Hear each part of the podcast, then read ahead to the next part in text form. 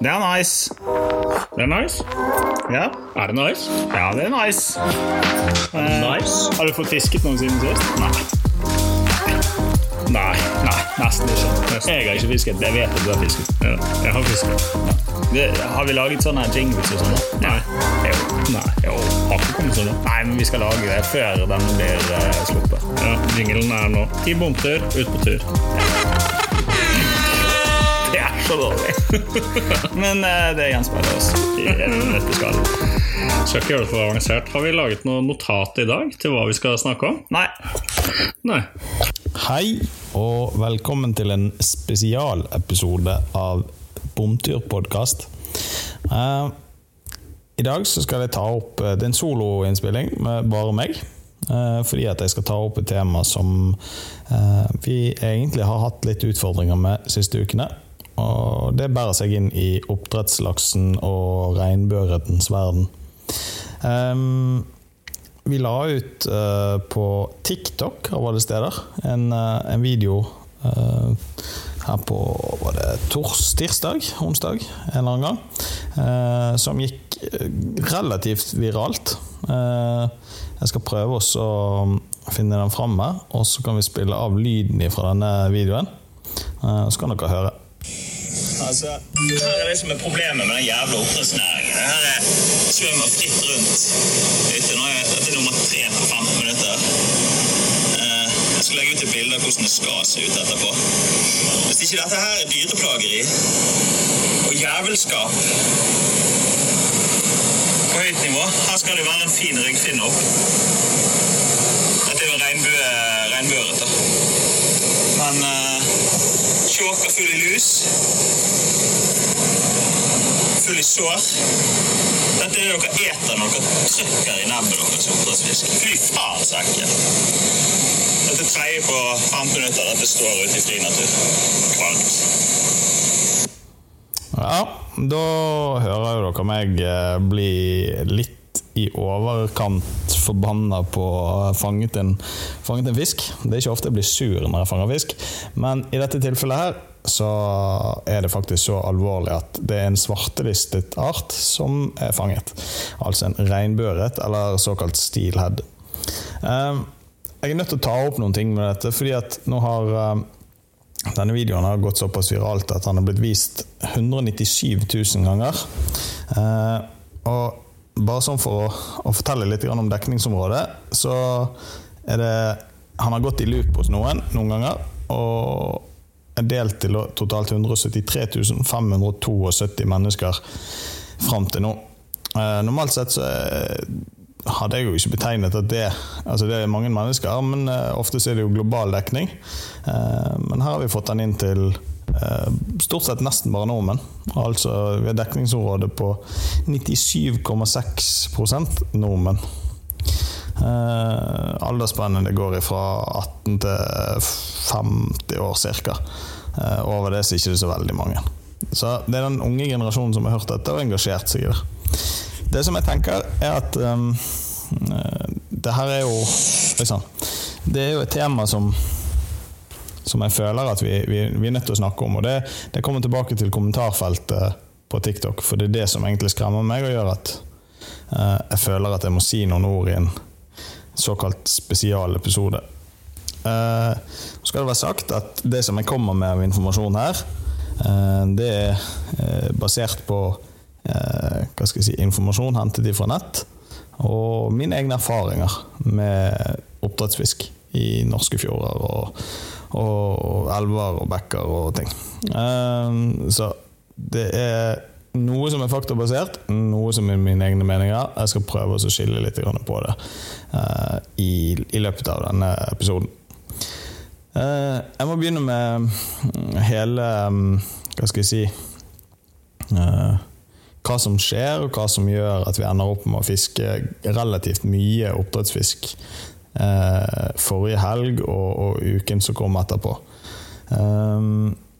For noen uker siden så var det en makrellstørje som svømte gjennom en laksenot på Austevoll.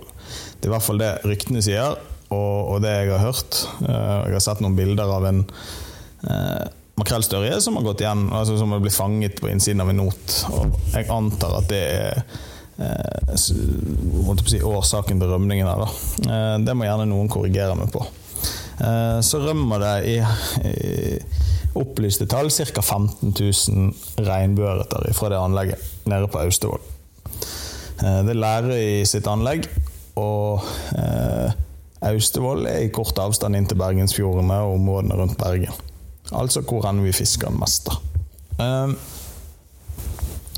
Og så eh, stikker disse fiskene av. Eh, og så begynner de å bli observert i Fanafjorden. Eh, det er veldig mange som ser de der. Eh, etter hvert så ser vi de på Straume, og vi ser de i Lysefjorden. Det er blitt fanget på Askøy. Og så til slutt så ender de opp på den lokale pålen her inne hvor, hvor vi fisker veldig mye, eller i området hvor vi fisker veldig mye. Og det er Rosslandspålen. Eller Rosslandsvågen, eller ja. Eh, på Rossland i hvert fall. Eh, der så er det et settefiskanlegg som står på land. Eh, med en foss, så renner alt overvannet renner ut ved siden av fossen. Det er en typisk plass hvor det ofte samler seg mye oppdrettsfisk. Det som Den som oppdager det først, er min far. Han er der nede og fisker med en sluk, får en regnbueørret. Tror jo kanskje at det kanskje er bare en slenger, men eh, så reiser vi ut da eh, samme kvelden, eh, og så står jeg i fossen og fisker med flue, og får tre stykker på rappen. Det er da forrige lørdag. Og det er fra forrige lørdag denne videoen som, som gikk viralt, stammer fra. da. Og så er det et par ting som refererer, altså jeg refererer til kommentarfeltet her, fordi jeg ser at ehm, Hva skal vi kalle det? Det er ikke um, Det er veldig stor uvitenskap til hva oppdrettsnæringen uh, gjør og påvirker i norske fjorder og, og vassdrag. Derfor så må vi snakke om det. Uh, nummer én, uh, som er den viktigste når det gjelder den rømningen som har vært nå, det er regnbueørret. Altså eh, en art som ikke lever i den norske faunaen opprinnelig. Eh, den er kun i Norge fordi at den er, eh, er for å lage mat av. Eh, de oppdretter den, og, og han har aldri tilhørt norsk fauna. Eh, Regnbueørreten, også kalt steelhead, eh, den kommer opprinnelig fra Canada og lever der som en villfisk. Og så har han blitt utviklet her gjennom mange år. og eh, et uobjektivt syn på det, og at eh, i dag så er det blitt en, den oppdrettsfisken som vi kaller for regnbue, den, den er gjennom mange mange generasjoner blitt til en, en tjukk og feit og svær uh, ørretlignende fisk, eh, som jeg mener ikke hører hjemme noen steder her hos oss. Eh, så det er nummer én. Det er en uønsket art som rømmer fra anleggene i Norge. Og eh, så er det veldig mange som sier ja, men gjør det noe, da? Jeg har klart å gjøre noen ting, fordi at det skaper en ubalanse i eh, økosystemet vårt. Hvis den får lov å formere seg. Eh, en av årsakene til det er at den eh, gyter etter atlantisk laks. Det vil si at når den atlantiske laksen har vært oppe i en elv og gitt, og regnbueørreten stikker opp og prøver å gyte, så graver den opp gytegropen og rognen til laksen. Så hvis vi får en stor populasjon av regnbueørret, så vil den fortrenge eh, elvene i Norge og ødelegge laksegytingen. Og det er for en art, altså Den ødelegger gytingen til atlantisk laks, som allerede er sterkt truet her i Norge. Så det er et kjempeproblem. Og de fiskene som vi har fått, hovfiskene som vi har fått, har hatt rogn i, i magen og er potensielt gyteklare. Um, så, så utover vinteren så ville de gått opp i elvene og, og gytt. Og det kommer de nok til å gjøre, og, og forsøke å få til en, en vellykket gyting. La oss bare håpe at ikke det skjer. Um, jeg tror jo kanskje at det kan bli en utfordring uansett. Så er det en annen ting med um, det som har med, med oppdrett av fisk å gjøre, som jeg egentlig ikke helt klarer å få til å stemme. Og det er måten fiskene ser ut på. Eh, veldig mange av de vi har fått eh, nå, har store skader. Eh, åpne sår. Eh, de mangler eh, eh, finner. De har deformasjoner. Sporen, eller halen, som mange gjerne vil kalle det, er helt avrundet. Han har ikke han har ikke svømmekapasitet som en villfisk ville hatt. Eh, Gjeldeforkortninger. Eh, de har ekstremt mye lus. Eh, slimlaget som er naturlig på fisken, er nesten borte. Og, og fisken ser rett og slett usunn ut. Altså Han har det ikke bra. da. Og så kan det diskuteres hvorvidt det her kan kalles for dyremishandling. Eh, For jeg vil strekke det strikket så langt og si at norsk oppdrettsnæring driver med dyremishandling av fisken sin. En av tingene som jeg eh, reagerer på eh, når jeg leser meg opp på dette på nett, er at for eksempel eh, eh, s- så er det lusebehandlinger som skal gjøres, fordi at det er en utfordring med mye lakselus i oppdrettsanleggene. Jeg skal komme litt tilbake på det med lakselus, men måten de behandlet det på tidligere, var med medikamenter. Eh, Det som har skjedd, er at eh, vi har hatt så store luseproblemer at lusen har blitt resistent mot medikamentene som er blitt brukt tidligere. Eh, Dette er igjen noe som fører til at de må finne nye metoder for å bli kvitt lusen. Det som gjøres i dag, er at fisken blir spylt med varmt vann for at lusen skal slippe taket. Det som skjer når du spyler en fisk med varmt vann, er at du tærer på slimlaget på fisken, noe som igjen gjør at han får eh, det som du kaller for eh, ja, sår og, og Eller sår og, og, belastning. Det ligger masse videoer av dette på nettet. Eh, hvor forklaringen av at slimlaget blir borte på en fisk har en negativ effekt for fisken. Og fisken får fysisk vondt. Um, så, så det er ett problem. Og så er det dette med deformasjoner og sånn. Årsaken til at en fisk blir deformert i et oppdrettsanlegg, skal ikke jeg svare for konkret, men, for det vet jeg faktisk ikke helt. Men når vi ser på de fiskene som vi har fanget, um, så vil jeg komme med en sammenligning. Um, det er veldig få mennesker som reagerer når dette skjer. Og, og jeg ser også i kommentarfeltene på, på TikTok spesielt at eh, folk bryr seg egentlig ikke så mye om det. Men jeg skal trekke en parallell til eh, oppdrett av storfe eller fe generelt. Tar du en sauebonde, eksempel, som hadde mistet en flokk med sau, så hadde det kommet løpende ned gjennom gaten i, i, i sameiet hvor du bor. Eh, den ene den manglet en fot, og den andre mangler et øye, og den andre renner det blod fra magen av, og den andre den har ikke hale, og eh, så er de gjerne syke eller har fått et eller annet virus, de har skabb, og eh, pelsen detter av, holdt jeg på å si, altså ullet detter av. Så, så ville nok veldig mange reagert på en helt annen måte. Fordi det blir synlig på en annen måte, siden det er et pelsdyr eller et ull, ullkledd dyr som går på fire bein. Eh, og så svømmer ikke det under overflaten, men det kommer løpende opp på land. Det som sannsynligvis ville skjedd i en sånn sak, var jo at bonden hadde blitt stilt for retten. Han hadde mistet eh, retten sin til å ha dyrehold. Um, og blitt fratatt alle dyrene sine. Fordi at sånn driver man ikke på land.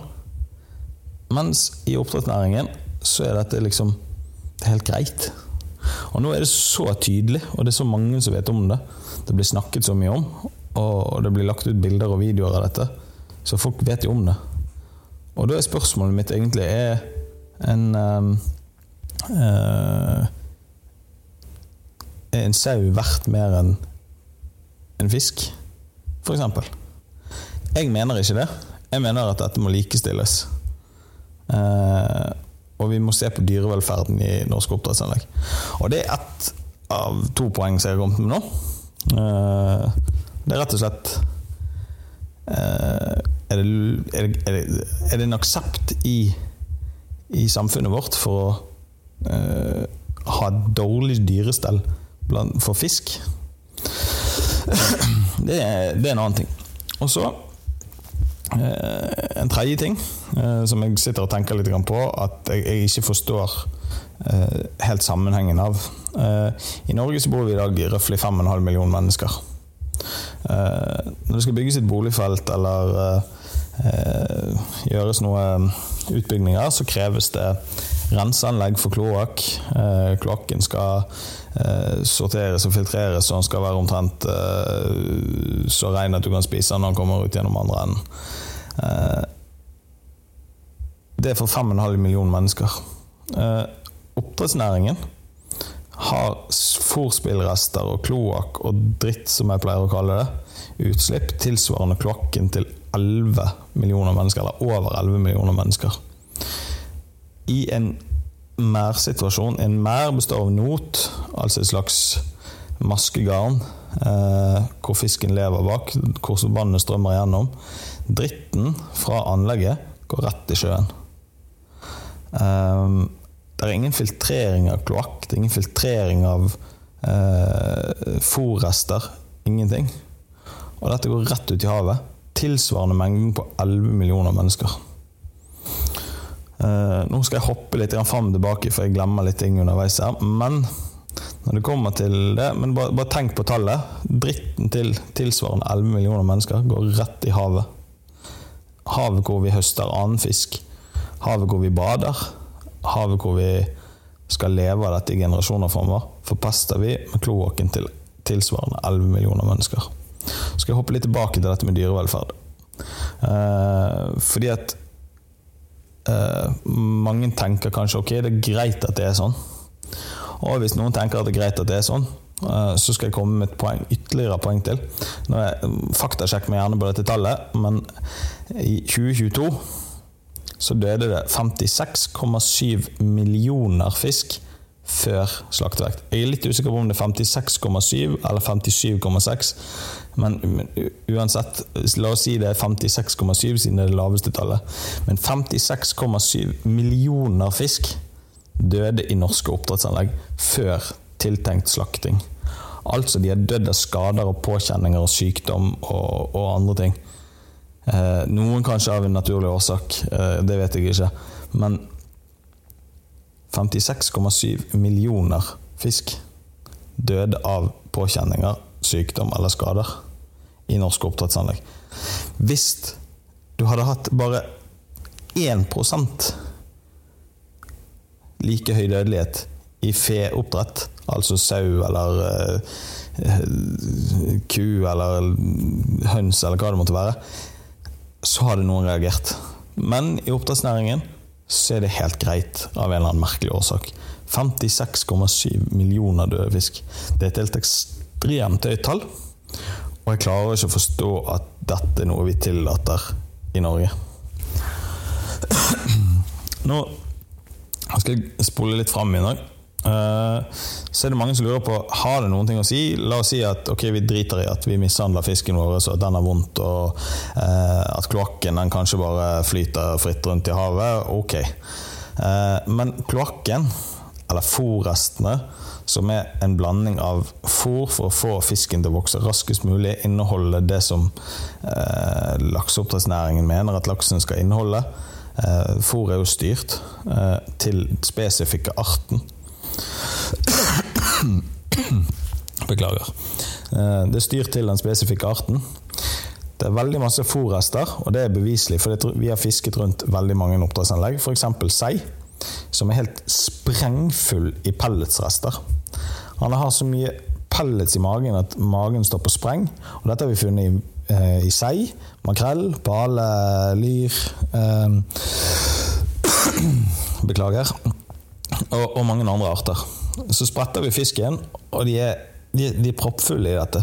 Og de lukter dårlig, og fisken er generelt sett ødelagt. Og fôret er ikke tilpasset disse artene. Det som skjer med, eller det som blir problemet med det her, er at man skaper en total ubalanse i økosystemet.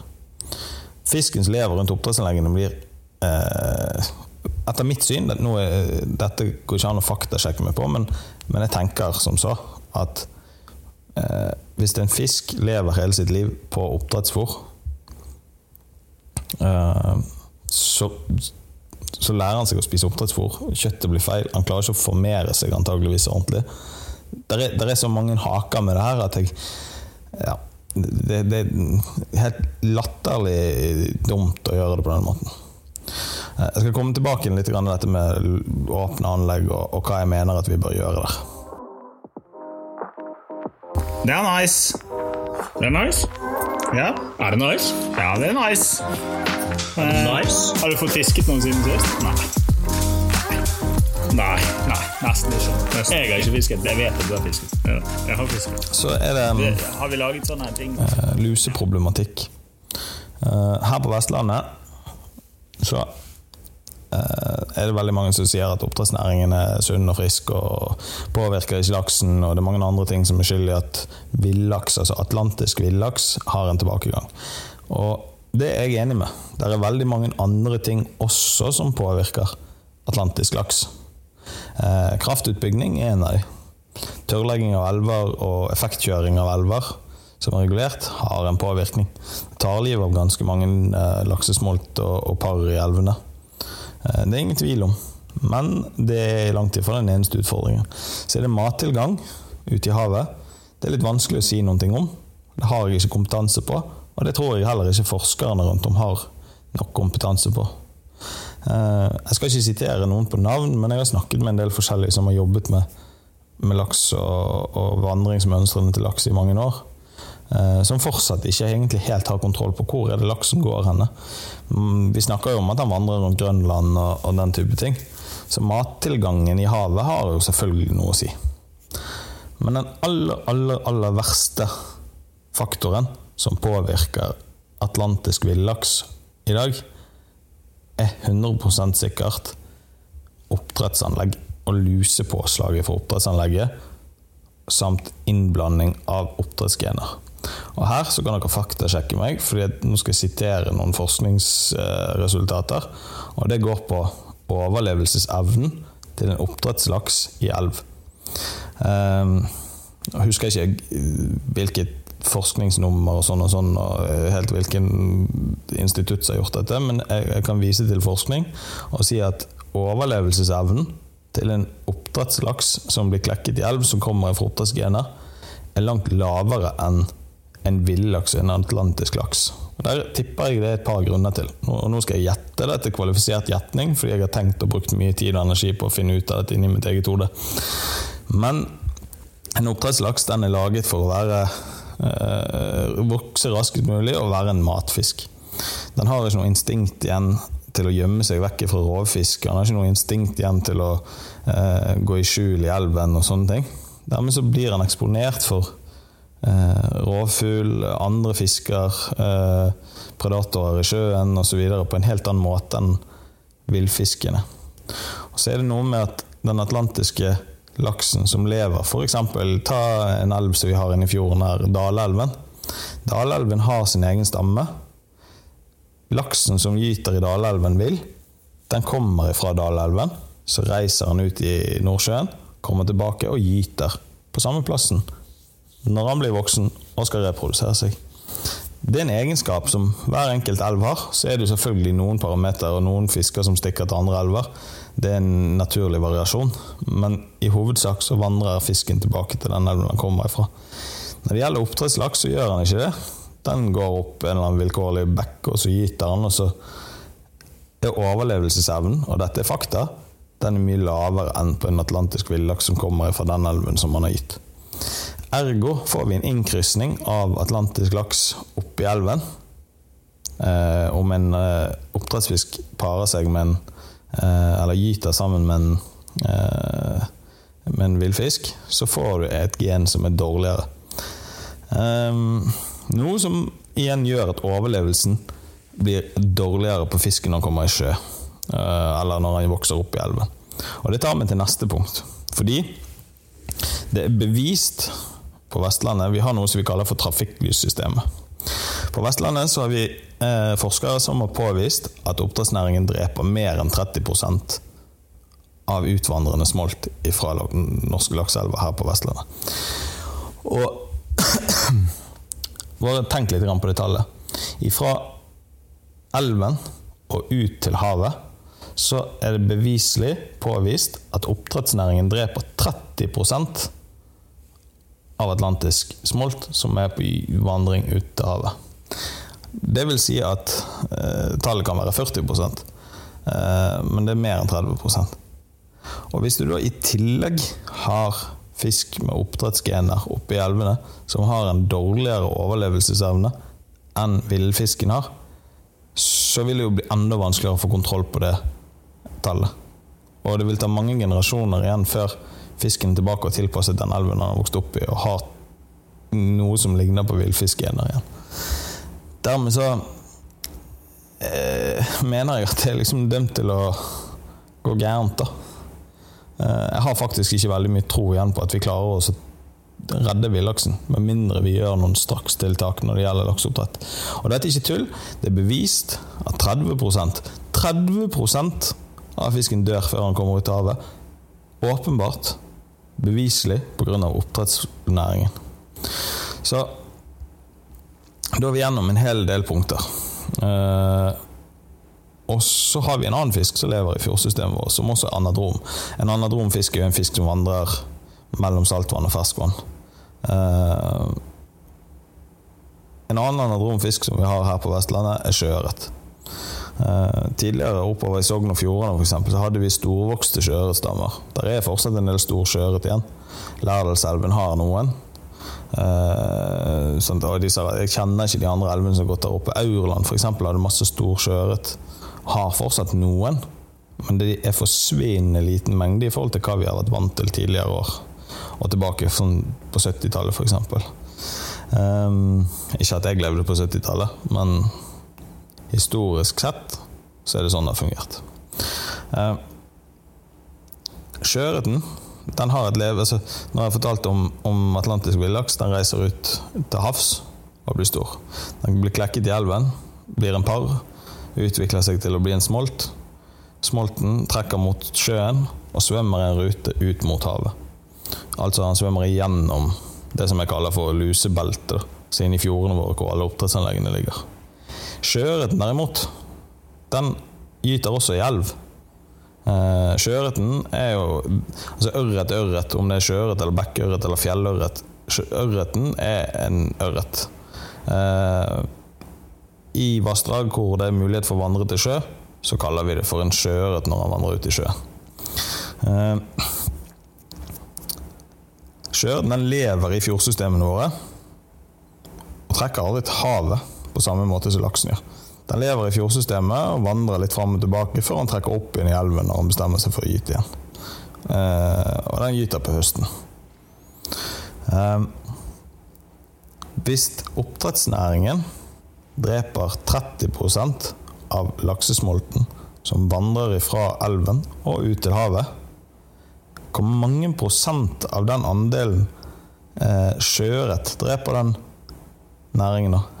Det tallet må jo være langt, langt mye høyere for en fisk som lever i det miljøet hele livssyklusen sin, enn for en fisk, altså atlantisk laks, som bare skal gå ruten forbi. Det er en ting som jeg henger meg litt opp i, og som jeg mener at må inn i trafikklyssystemet. For sjøørreten er en vel så viktig fisk som laksen er. Og mister vi sjøørreten, så mister vi en del av det økologiske systemet i fjordsystemene våre. Og tukle med naturen har aldri vært bra. Så det er egentlig en ting som jeg lurer litt på. Hvorfor er ikke den med i trafikklyssystemet? Hvorfor glemmer vi sjøørreten? Og hvorfor er ikke den tatt med i trafikklyssystemet som en, et parameter for å å si noe om vekst eller reduksjon av biomasse i oppdrettsanleggene. Eh,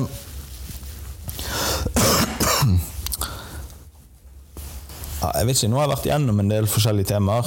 Eh, jeg vet ikke hvor inngående jeg skal gå i det. Jeg kunne nok sikkert snakket om det temaet i mange mange timer.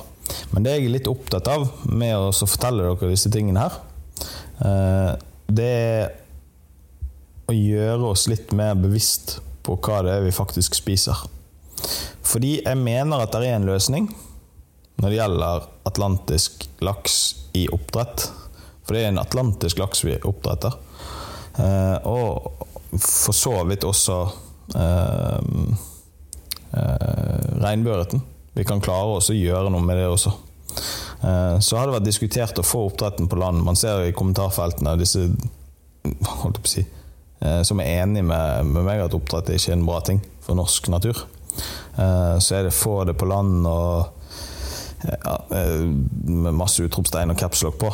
Eh, Å flytte oppdrettsanleggene på land eh, Hvis du ser hvor mange, mange, mange millioner eh, fisk som er i omløp i norsk oppdrett, så tror jeg, uten å påvise det konkret, at det blir altfor arealkrevende å flytte det opp på land. Det vil ta altfor mye plass, og det vil bøtelegge altfor mye natur å gjøre det. Og det tror jeg faktisk ikke at det er verdt i det lange løp. Og så skal jo eh, Har det vært snakk om femdobling av eh, altså, eh, husker han, Nå husker jeg faktisk ikke hva han heter, men han forrige fiskeriministeren vår snakket om at han ønsket en femdobling av um, biomasse i sjøen. En femdobling er jo helt absurd. Det vil jo aldri fungere sånn som det blir drevet i dag. Det jeg derimot tror mer på, det er hvis vi eh, lukker anleggene i sjøen. Og det, det er to grunner til. Det er Den ene at det landbasert blir for arealkrevende, og i tillegg så er det for energikrevende.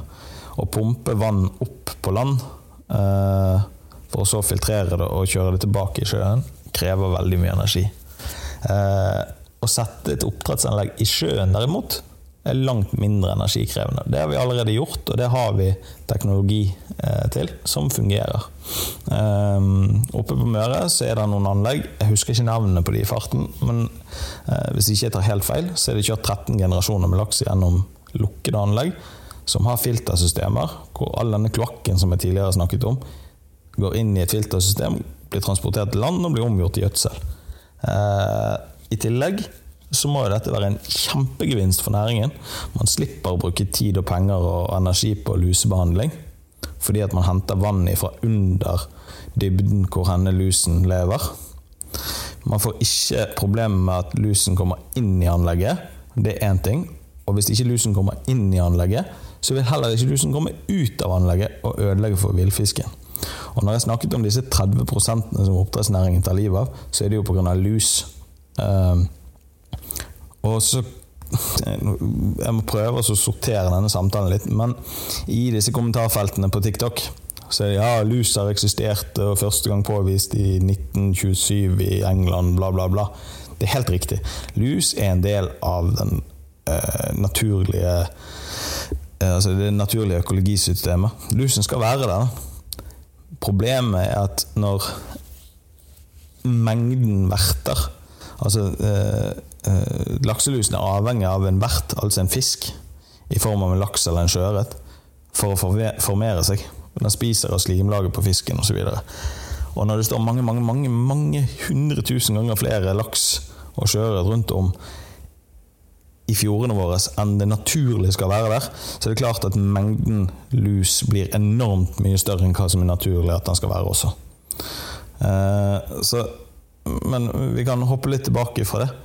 Blir vi kvitt den i lukkede anlegg, så er vi i hvert fall helt sikker på at den ikke påvirker villfisken lenger.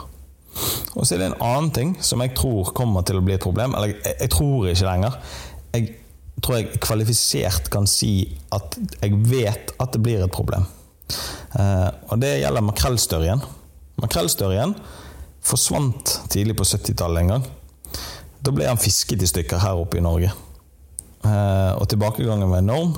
Og han har blitt fisket på rundt om i ellers i verden òg, men, men, spesielt i Norge så tok vi de store individene. Og de, her oppe på norskekysten så er de store individene som kommer. Um,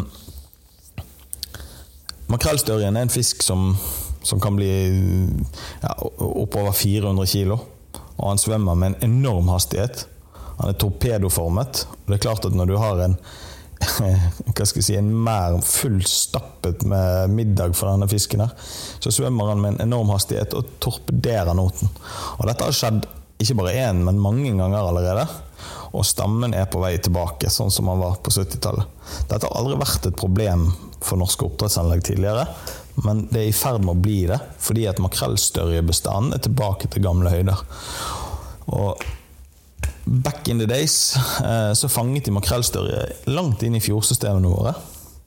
Og Hvis vi havner i den situasjonen at det kommer en stim på et par hundre makrellstørje svømmende innover i Ostafjorden f.eks., så kan du være helt sikker på at det skjer rømninger pga. det. Fordi at oppdrettsnøten er åpen. fordi at makrellstørjen ser fisken og får lyst på middag. Det er omtrent som å ha eh, tyverisikre en godtepose i en papirpose for ungene som har lyst på snop. Det funker ikke. De blåser rett igjennom den papirposen. Så ingenting. Um, og meg bekjent, den rømningen som vi hadde nå på Austevoll, var pga. nettopp en makrellstørje. Og dette vil vi se langt mye mer framover. Og jeg håper nesten at det er dette som er brekkstangen for å lukke anleggene for egentlig inntrengere som skal ødelegge for, for, næringen. For det kan jo aldri være god økonomi å miste, miste fisk. Man har brukt penger på fôr og eh, arbeidskraft for å holde disse i live osv. Eh, I hvert fall gjort et halvhjertet forsøk på å holde i live. Men ja, spøk til alvor. Jeg skal være ryddig når jeg snakker. Eh, så mitt forslag Eh, for å ta en lang Nå er det sikkert mange som lurer på hvorfor jeg sier dette, men eh, det har vært snakk om grunnrenteskatt eller lakseskatt eh, i et års tid nå. Det har vært mye skriking og roping om det, og trusler om søksmål. Jeg vet ikke om det kanskje har vært noen søksmål. Jeg har ikke helt fulgt med i den prosessen. For jeg har helt ærlig ikke helt brydd meg om den lakseskatten, for det er en skatt som berører en næring som jeg overhodet ikke har noen ting til overs for, så jeg tenker at ok, kjør de ned med skatt. Eh, men jeg har et forslag. Fjern lakseskatten. Ta den bort. Og det er min oppfordring til politikerne, for her er det et par ting.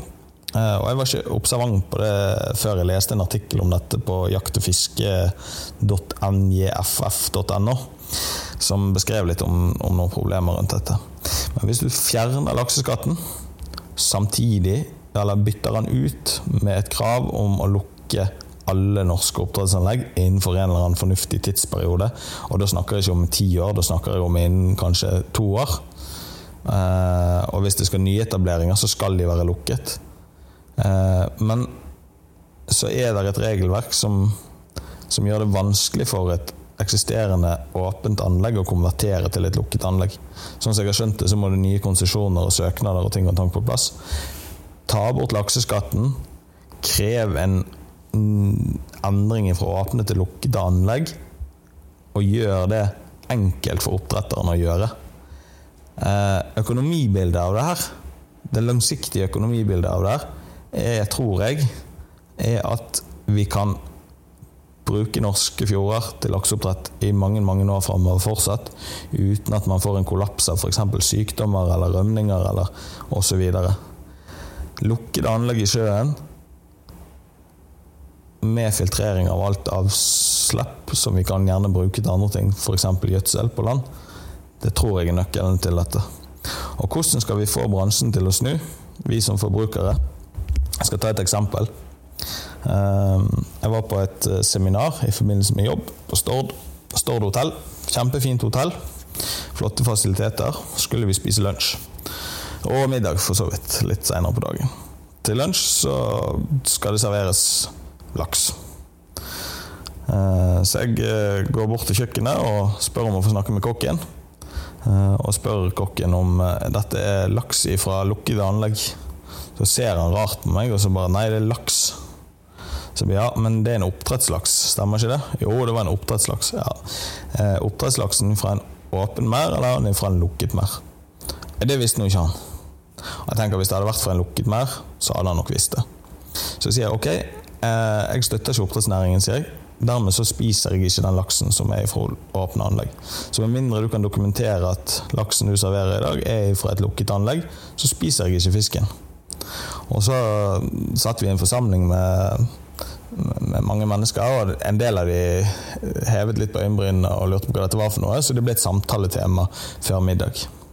Så fortalte jeg den gjengen som satt rundt bordet med meg, hvorfor jeg ikke spiser oppdrettslaks. Egentlig jeg tok den praten som jeg har hatt nå, og fortalte om noen av problemene som jeg også har gjort nå, for det er mange flere problemer enn det som jeg har nevnt. Eh, det det endte opp med, var at ca. halvparten av den gjengen nektet å spise laksen. For dette visste de ikke. De visste ikke at det var så ille. De visste ikke at det sto så dårlig til. Kjøkkensjefen kom ut til meg og var egentlig litt forbanna på meg og sier at hvorfor, hvorfor får du alle disse til å ikke spise fisken?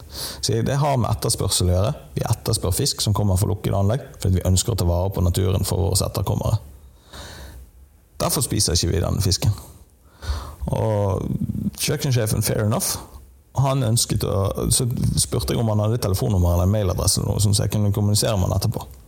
Eh, nå er jeg i overkant engasjert i dette, så, så det blir en liten obsession. Men, så, jeg, så jeg tok det ganske langt. Så sendte jeg han en tekstmelding senere på kvelden.